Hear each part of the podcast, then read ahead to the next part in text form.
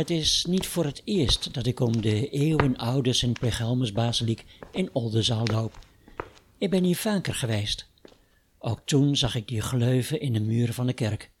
Maar het verhaal erachter ging aan mij voorbij. Toch liet het me niet helemaal los. Ik zocht er daarom wat op na en las allerlei verklaringen over het ontstaan van deze gleuven. Best interessant eigenlijk. In dit verhaal ga ik op zoek naar het meest waarschijnlijke antwoord. Ik ga zitten op een van de banken naast de zijingang van de kerk. Heerlijk in het zonnetje op het Sint Plegelmusplein.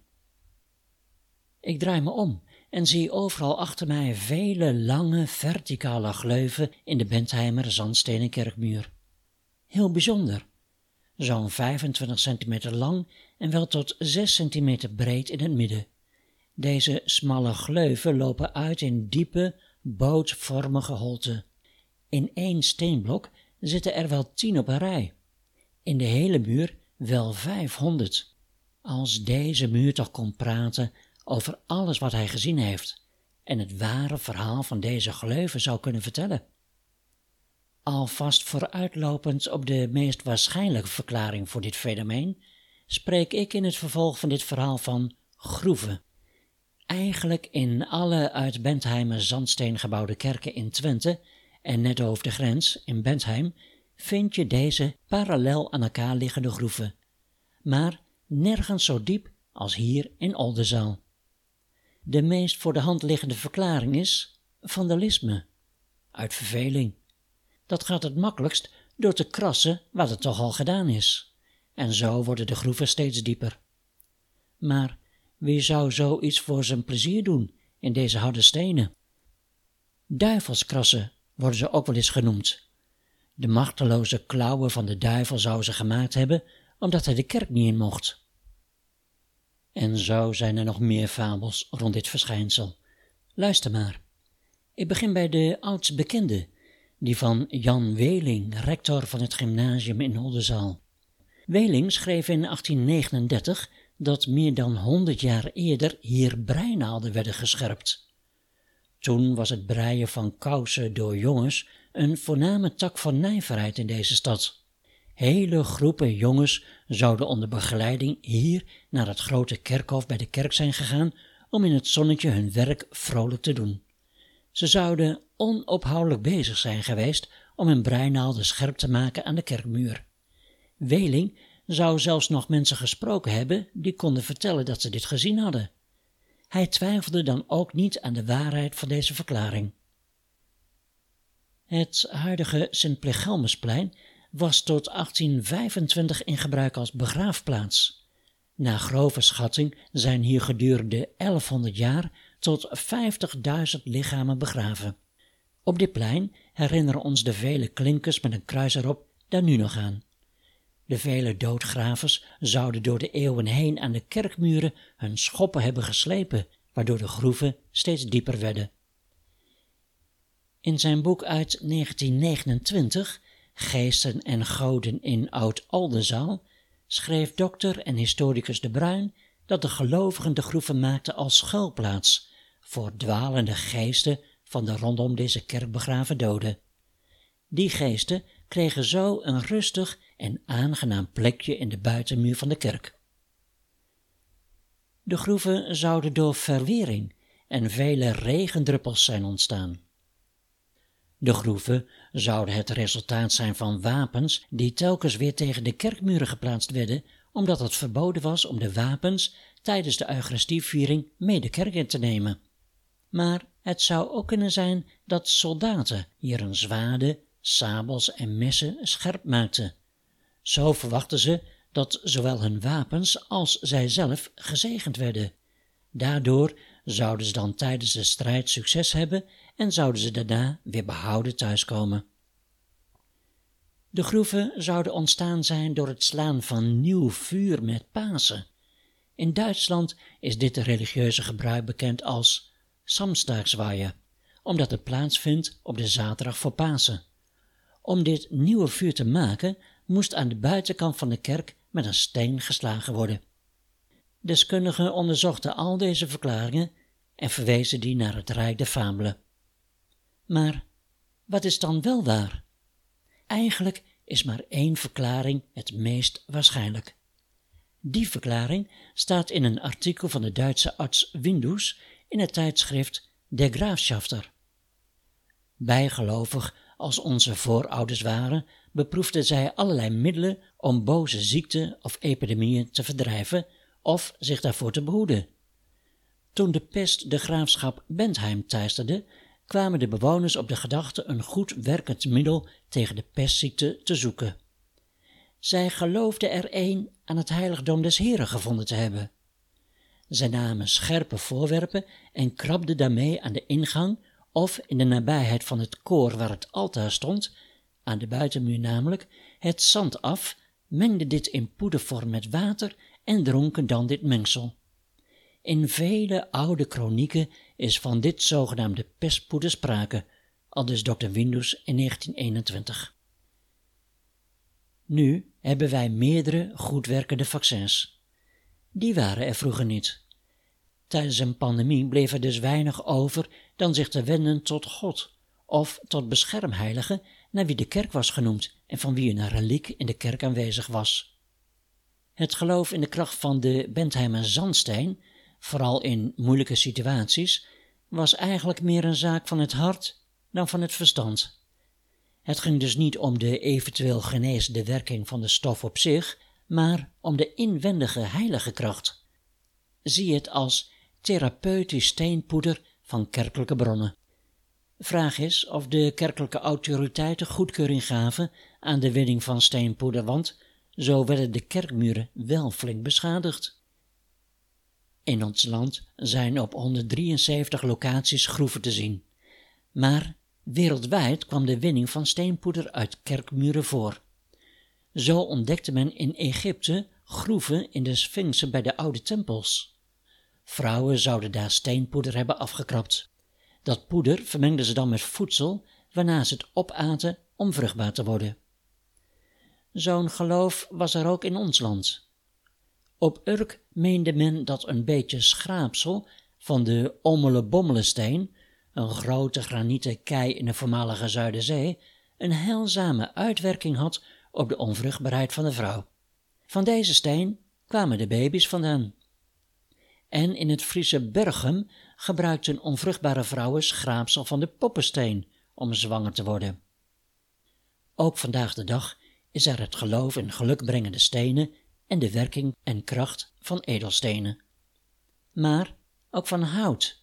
Zo schijnen tegenwoordig gelovigen in Istanbul splinters hout van de keizersdeur van de tot moskee verheven Hagia Sophia te peuteren en die op te eten.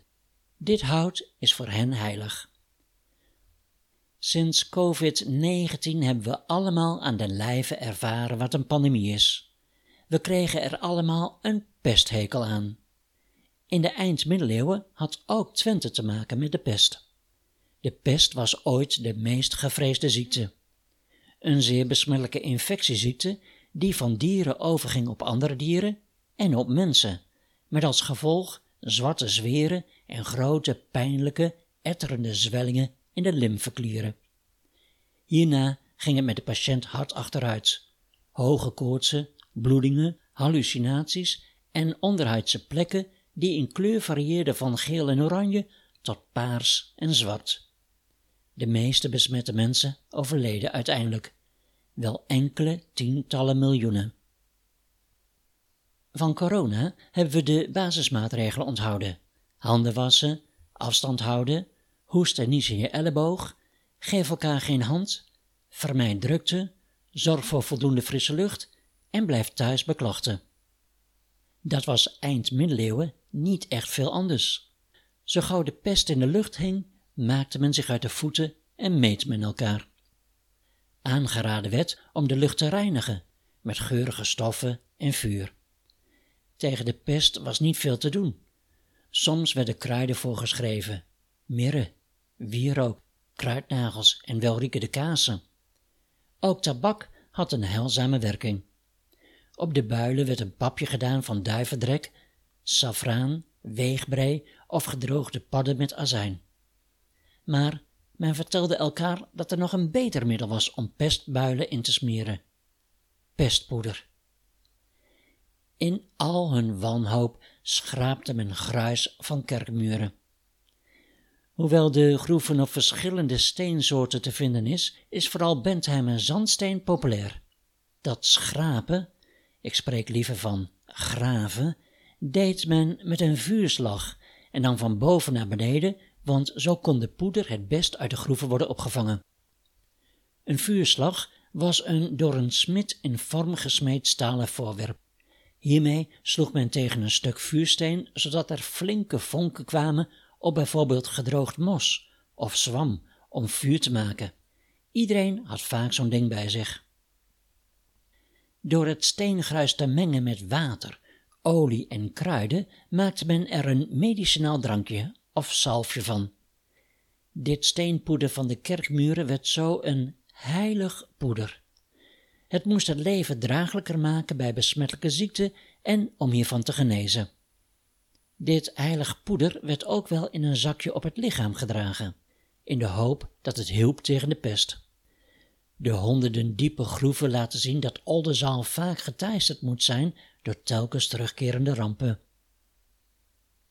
De 16e eeuwse Pieter van Foreest uit Alkmaar was een van de belangrijkste medici van ons land. Hij had een diepe afkeer van kwakzalvers.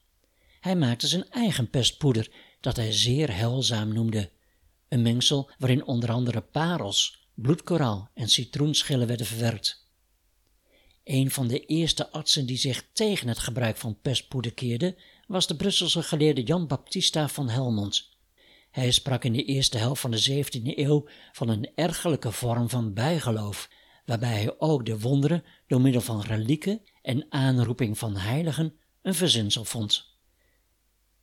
De al eerder genoemde Oldenzaalse huisarts De Bruin wilde een eeuw geleden ook niets weten van de pestpoeder. Hij sprak van kerkschending. Het maken van lelijk diepe wonden is geen werk van gelovig nadenkende personen, hooguit van kinderen of onverschillig ruw volk. Verder meende hij dat de Oldenzalers de buitenmuur van de kerk niet zo heilig achten en dat daar magische krachten in zouden schuilen. Begin 20e eeuw ontdekte men dat het inademen van steenstof en steengruis schadelijk was voor de gezondheid. Bij het hakken komt namelijk een grote hoeveelheid kwartstof vrij. Bij langdurige blootstelling kan dit stof ernstige longaandoeningen en zelfs longkanker veroorzaken. Daarom is sinds 1951 het bewerken van Bentheimer zandsteen in ons land verboden. Tegenwoordig mag volgens de erfgoedwet alleen bij de restauratie van erkende monumenten met zandsteen gewerkt worden en binnen strakke voorschriften zoals het verplicht dragen van een filter, handschoenen en gezichtsbescherming. Niet alleen aan steengruis werd eeuwenlang in het volksgeloof een geneeskrachtige werking toegekend, ook aan zand, als het door priesters werd gewijd. Of het zand was afkomstig van het graf van een heilige, of van een plek waar een heilige een bijzondere daad had verricht, of was gestorven. Het werd gezien als een reliquie. En nog steeds is dit heilige zand verkrijgbaar. Op de belemniet.nl worden drie locaties in Zuid-Limburg vermeld. In de Sint-Gelaggerskerk in Houtem Sint-Gerlach ligt onder de tombe van de heilige 12e eeuwse ridder pelgrim kluisenaar Gerlachus een hoop zand, gewijd zand, volgens het bordje ernaast. Eigenlijk is het kalksteenpoeder, mergel.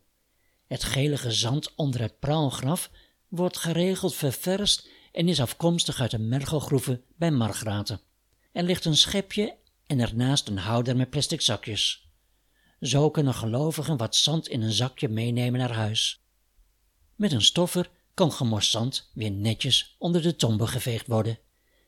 Dit zand wordt door gelovigen gebruikt om zieke dieren te genezen. Uitgestrooid in de stallen zou het goed zijn voor het algehele welbevinden van het vee. Verder zou graan, waaraan iets van dit zand is toegevoegd, ratten en muizen uit de buurt houden. En zelfs planten en bloemen groeien beter als je een beetje van dit zand aan de grond toevoegt. Dit zand uit Houten is ook verkrijgbaar in de Sint-Gelacheskerk in Banholt. Het wordt ieder jaar tijdens de feestdag van Sint Gerlach in januari gezegend. Daarna worden er zo'n 150 plastic zakjes mee gevuld, die dan achter in de kerk bij het beeld van Sint Gerlach komen te liggen. Rond Pasen is de voorraad meestal op. In de Sint Catharina-kerk in Montfort wordt Sint Antonius vereerd. Achter in de kerk staat ook bij zijn beeld een emmer met gewijd zand. Ernaast ligt een schepje. Gelovigen komen nog steeds van heinde en verre om wat van dit zand mee te nemen. Het gewijde zand in de emmer is metselzand dat in een zak in een nabijgelegen bouwmarkt gekocht wordt. In de kerk wordt het dan door de pastoor gezegend. Van het zand in Zuid-Limburg terug naar het zandsteen in Twente. De in Twente zeer gerespecteerde historicus Van Dijnse kon zich goed vinden in de mening van de Duitse dokter Windus. Ook hij concludeerde dat het maken van pestpoeder de meest aannemelijke verklaring is voor de groeven. Van Dijnse schreef een eeuw geleden dat hij ook gleuven had gevonden in sommige Bentheimer zandstenen grenspalen. Hij vroeg zich af of het afschraapsel van deze palen ook niet als geneesmiddel zou kunnen gebruikt zijn. Grenspalen waren immers van oudsher aan de goden gewijde stenen, en op het verwijderen of verplaatsen daarvan stonden zware straffen.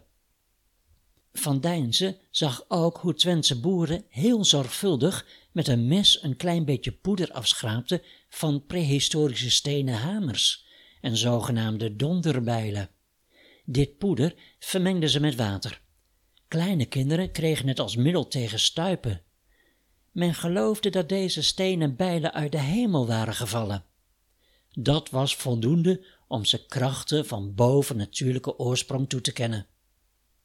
De Rooms-Katholieke Kerk hecht veel geloof in de verering van reliquieën, zoals de overblijfselen van heiligen of voorwerpen die met het lichaam van een heilige of met het lichaam van Jezus of Maria in contact zijn geweest.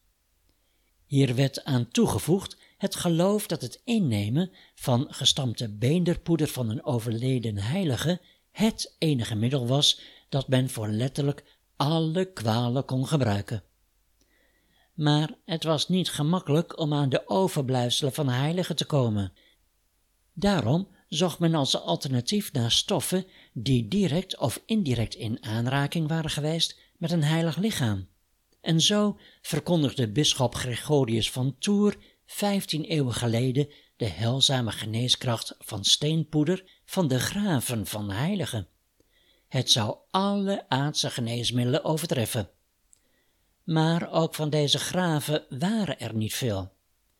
Daarom ging de heilzame invloed over op het kerkgebouw, waarin de reliquieën van deze heiligen werden bewaard en vereerd. Ook in deze basiliek achter mij worden reliquieën bewaard. Uiteraard die van Sint Plegelmus, de patroonsheilige. De kanon van Oldenzaal neemt aan dat Plegelmus uit een adellijke familie uit het Engelse Kent kwam. Hij was een rondreizende monnik. Zo maakte hij een reis naar Rome en werd daar tot bisschop gewijd. Daar kreeg hij van de paus als geschenk kostbare relieken. Plegelmus moest vooral in de grensgebieden van het Frankische Rijk het evangelie verkondigen. Overal in zijn missiegebied liet hij kerken bouwen, zo ook in Oldenzaal. Of Plegelmus ook echt hier is geweest, is niet zeker. Plegelmus stierf op 15 juli ongeveer in het jaar 734 en werd begraven in Sint Odilienberg bij Romont. Vanaf de 10e eeuw werd Plegelmus heilig verklaard door de bisschop van Utrecht.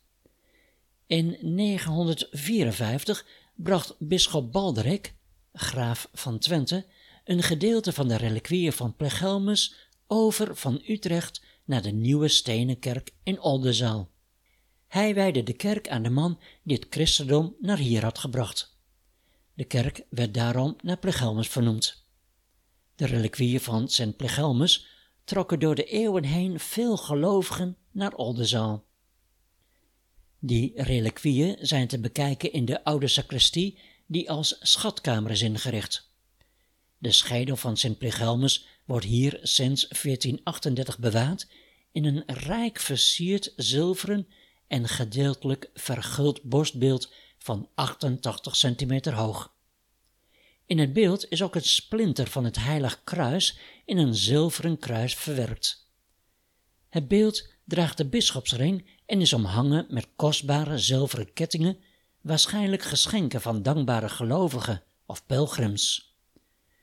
Zowel het gelaat als de kleding zijn zeer natuurgetrouw weergegeven. De krul van de bisschopstaf is fraai versierd met de voorstelling van de kruisiging.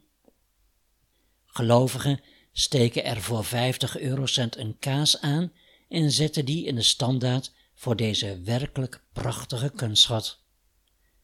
Vanwege onder meer dit belangrijke reliquie kreeg de Sint-Plegelmuskerk van Paus Pius XII in 1950 de eretitel Basilica Minor. Rechts van mij op de bank zit aan de voet van de 61 meter hoge Olm Grieze de heilige Plegelmus op een hoge sokkel. Dit bronzen beeld werd hier in 1950 neergezet toen het duizendjarig bestaan van de Plegelmuskerk werd gevierd en als dank voor de bescherming tijdens de Tweede Wereldoorlog. Anders dan Hengelo en Enschede werd Oldenzaal gespaard voor oorlogsgeweld. In en na 1945 kregen heel wat kinderen hier bij hun geboorte dan ook als extra naam Plegelmus of Plegelma. Het oude geloof in de werking van de ooit befaamde pestpoeder uit de Bentheimer zandstenen kerkmuren ging over in het nieuwe geloof, in de hedendaagse vaccins, mede mogelijk gemaakt door overheden, vindingrijke universiteiten, innovatieve farmaceuten en toegediend door hard werkende artsen en verpleegkundigen.